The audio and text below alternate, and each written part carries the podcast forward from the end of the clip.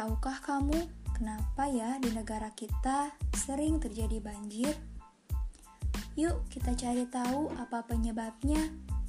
Indonesia memiliki 5.500 sungai induk, di mana 600 di antaranya berpotensi menimbulkan banjir. Banjir pada dasarnya disebabkan oleh tiga hal. Pertama, adanya kegiatan manusia yang berdampak buruk pada perubahan alam seperti membuang sampah sembarangan, membuang limbah pabrik, penebangan liar, dan lain sebagainya. Yang kedua, peristiwa alam seperti curah hujan yang tinggi, kenaikan permukaan air laut, juga penurunan permukaan tanah. Yang ketiga, degradasi lingkungan atau penyempitan lahan karena banyak dibangunnya pemukiman sehingga pohon berkurang dan tidak ada proses penyerapan air oleh tanaman. Dampak banjir sendiri cukup mengerikan loh adik-adik, yaitu dapat merusak bangunan, jalan raya, maupun tempat tinggal.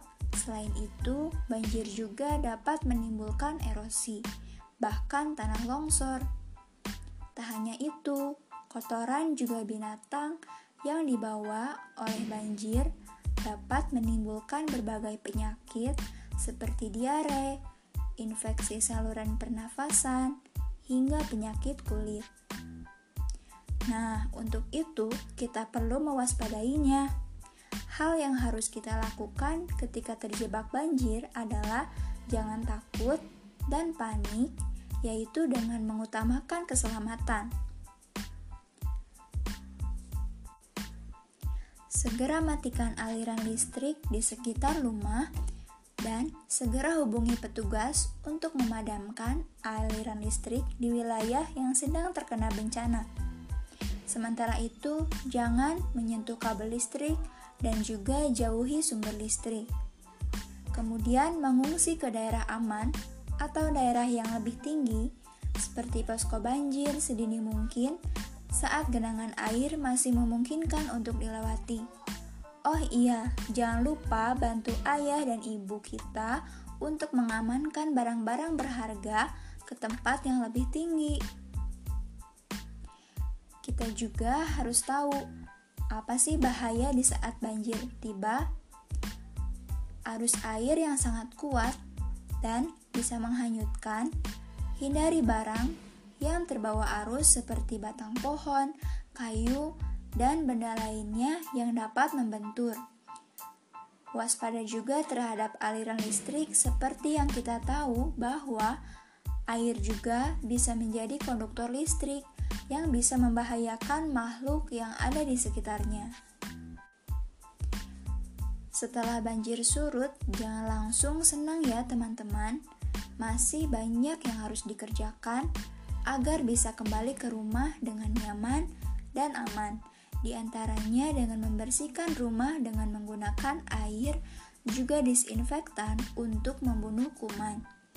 Keringkan juga dengan sempurna peralatan listrik seperti saklar, stop kontak, dan kabel-kabel yang sempat terendam banjir sebelum digunakan kembali. Bersihkan juga tempat penyimpanan air, dapur, dan peralatannya dengan hati-hati. Gunakanlah sepatu boot dan sarung tangan saat membersihkannya. Nah, itulah informasi seputar waspada banjir. Semoga bermanfaat ya, teman-teman. Sampai jumpa.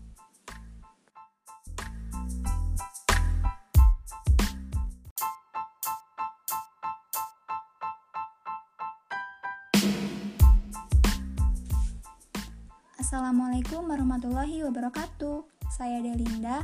Pada kesempatan ini, saya akan membagikan tips bagaimana cara menjaga kesehatan mata selama belajar jarak jauh di masa pandemi.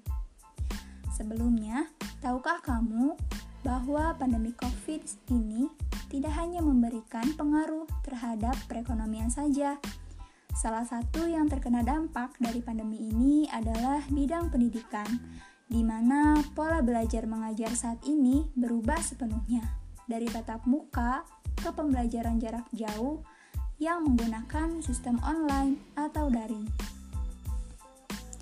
Dengan menatap layar atau gawai sebagai sarana pembelajaran daring selama berjam-jam dapat menyebabkan berbagai macam keluhan pada mata, mulai dari mata lelah, kering, hingga mata minus yang disebabkan oleh paparan layar yang terlalu lama.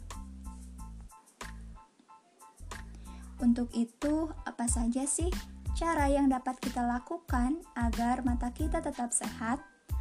Yang pertama yaitu pastikan monitor berada di posisi yang tepat. Pastikan kamu telah memosisikan layar monitor agar mata kita terasa nyaman saat menatap layar. Kamu dapat menurunkan sedikit layar monitor dari ketinggian mata.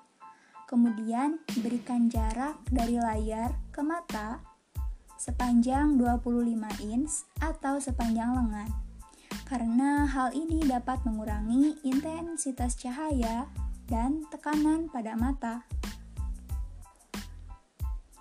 Cara yang kedua yaitu dengan menyesuaikan kecerahan layar. Layar yang terang akan memaksa kita untuk bekerja lebih keras. Jadi, cobalah untuk menyesuaikan kecerahan layar dengan meningkatkan kontras untuk mengurangi ketegangan pada mata kita.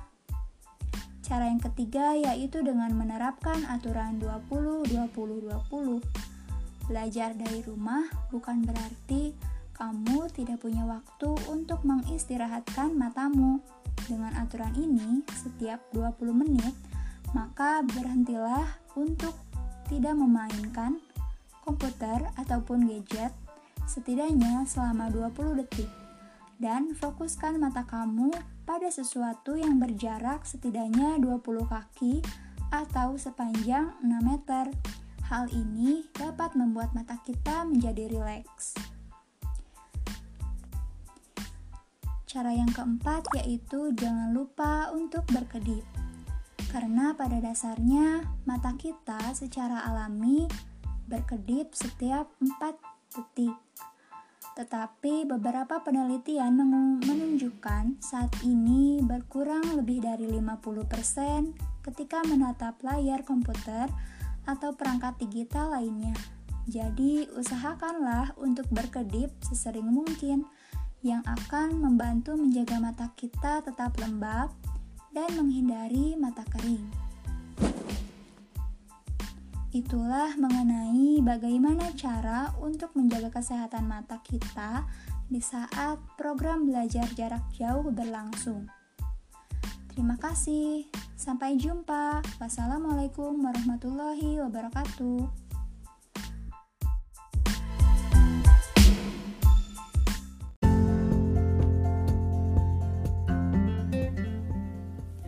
Zaman modern ini, arus informasi, pendidikan karakter di negara kita harus menjadi sebuah perhatian. Mengapa demikian? Karena hal ini dilakukan untuk membentuk pribadi penerus bangsa yang sesuai dengan identitas negara kita. Salah satu cara yang dapat kita lakukan yaitu dengan cara mendongeng. Mengapa demikian? Karena hal ini dapat melatih imajinasi anak, menanamkan etika, dan nilai-nilai kehidupan yang dapat dipraktikkan di kehidupan sehari-hari. Kita dapat membacakan sebuah buku dongeng menggunakan boneka tangan, kita juga dapat menggunakan media audio saat mendongeng. Pada saat mendongeng, kita pun harus memilih isi cerita yang tepat, serta pemilihan tema cerita yang disesuaikan dengan usia sang anak.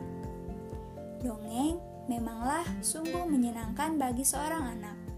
Seperti saat pandemi ini, anak terlalu banyak menatap layar komputer atau ponselnya yang membuat mereka jenuh. Maka dari itu, mendongeng lewat podcast dapat menjadi sebuah alternatif di mana anak-anak tetap bisa terhibur serta mengurangi screen time tentunya.